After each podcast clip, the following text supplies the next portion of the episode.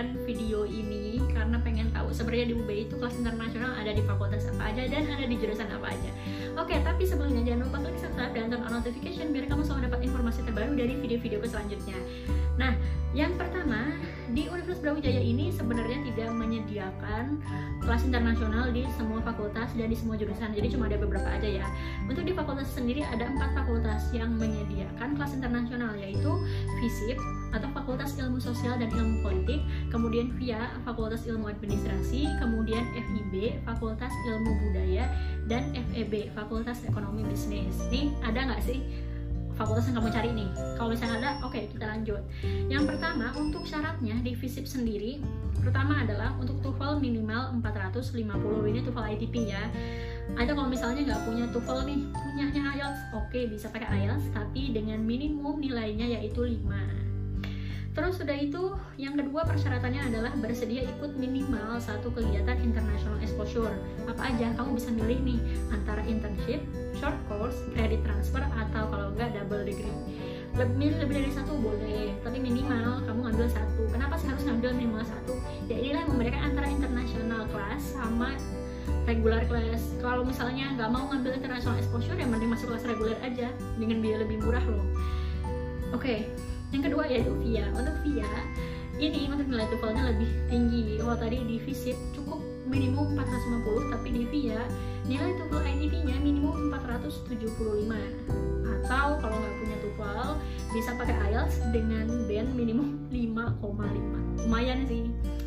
Kemudian sama syarat yang kedua yaitu bersedia untuk ikut minimal satu international exposure. Boleh milih yang mana. Kemudian kalau untuk FEB ini nggak ada persyaratan TOEFL sih. Ini informasi didapat dari website resmi Universitas Brawijaya. Tidak ada syarat TOEFL cuma harus bersedia mengikuti international exposure. Cukup salah satu kemudian kalau dari FIB atau Fakultas Ilmu Budaya ini persyaratannya adalah pertama bersedia ikut international exposure salah satu aja ya.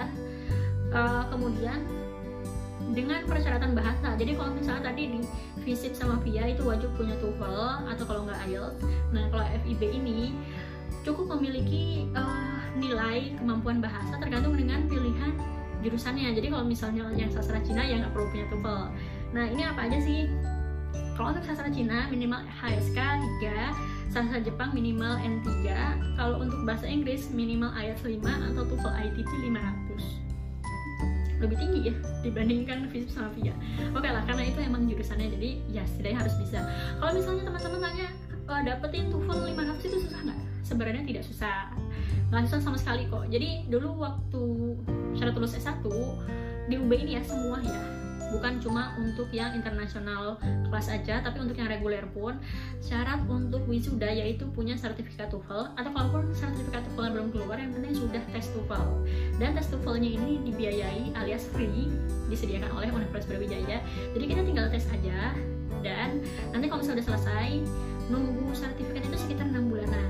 Karena sertifikatnya tidak dibuat di UB tapi dikirim dulu ke Jakarta karena nanti ada logo ITS-nya resmi nah jadi nanti kalau misalnya sudah dapat uh, kalau misalnya udah tes karena nunggu uh, sertifikatnya lumayan lama dan kita misalnya pengen buru-buru wisuda nih nah itu bisa minta suratnya ke bagian uh, penyedia tuvelnya nanti kita dapat surat nulis nama sama nim sama tanggal tesnya habis itu nanti kita bisa ajukan ke bagian akademik sebagai syarat untuk wisuda.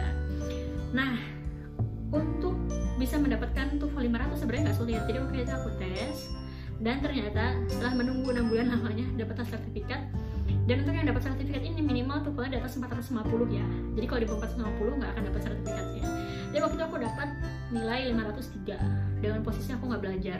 Jadi uh, sebenarnya untuk mendapatkan TOEFL segitu itu gampang.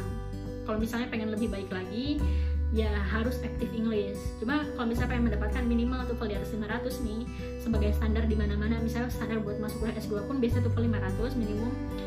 Itu sebenarnya cukup mempelajari dari satu buku aja. Terus udah itu sering dengar bisa lewat uh, apa ya? latihan TOEFL di YouTube. Terus udah itu dari Beren English Book uh, sama latihan soal satu dua jenis aja tuh sebenarnya udah cukup karena seatas dengan hasil dari TOEFL itu 503 itu tuh sebenarnya aku cuma mempelajari dari segi tipe soalnya itu kayak gimana sama biar nggak kaget nih. Biasanya orang tuh kaget ya lihat soalnya. Oh ternyata soalnya itu kayak gini ya. Nah biar nggak kaget itu kita tahu jenis soalnya. Tapi nggak perlu mempelajari kayak latihan satu persatu gitu. Kalau latihan satu persatu kayaknya nilai bisa di atas 600 deh. Itu sih. Nah terus sudah itu untuk mendapatkan TOEFL yang bagus adalah sebenarnya bukan cuma kita sekedar belajar bahasa Inggrisnya tapi juga belajar time management.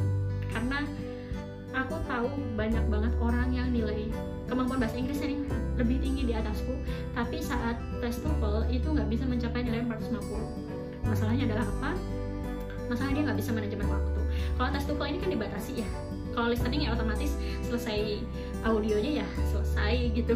Tapi kalau misalnya untuk yang reading terus sama structure otomatis kan kita harus ngatur waktunya sendiri ya.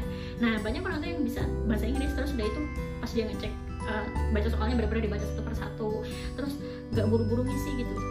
Akhirnya waktunya habis dengan masih ada puluhan soal yang belum terjawab. Itulah yang menyebabkan nilainya itu nggak sampai 450 meskipun skill bahasa Inggrisnya itu bagus. Nah jadi kamu mungkin bisa memanfaatkan kesempatan ini untuk mempersiapkan uh, kemampuan bahasa Inggris yang pasti time management sama emang belajar bahasa Inggrisnya. Segitu aja terima kasih sudah menonton video ini sampai akhir. Kalau kamu punya pertanyaan lain bisa tanya di kolom komentar